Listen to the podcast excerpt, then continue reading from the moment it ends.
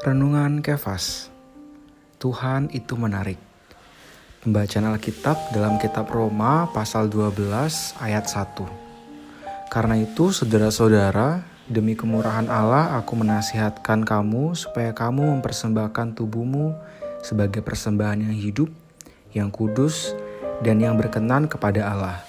Itu adalah ibadahmu yang sejati.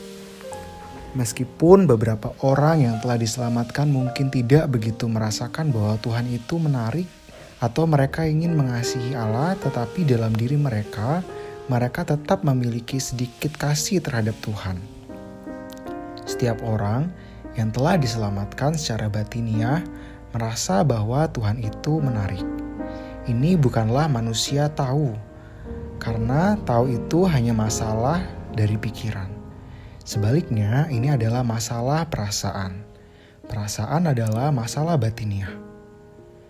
Seorang yang telah diselamatkan bukan hanya tahu bahwa Tuhan itu menarik, tetapi ia juga merasa bahwa Tuhan itu menarik.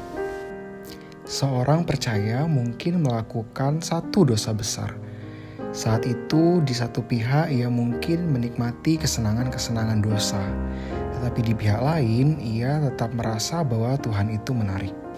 Setelah kita diselamatkan, Tuhan berkali-kali menarik hati kita kepada dirinya sendiri dengan banyak cara dan melalui berbagai jenis lingkungan dan metode, sehingga kita memberitahu Dia, "Oh Tuhan, Engkau bukan hanya mengasihi aku, melainkan Engkau benar-benar menarik.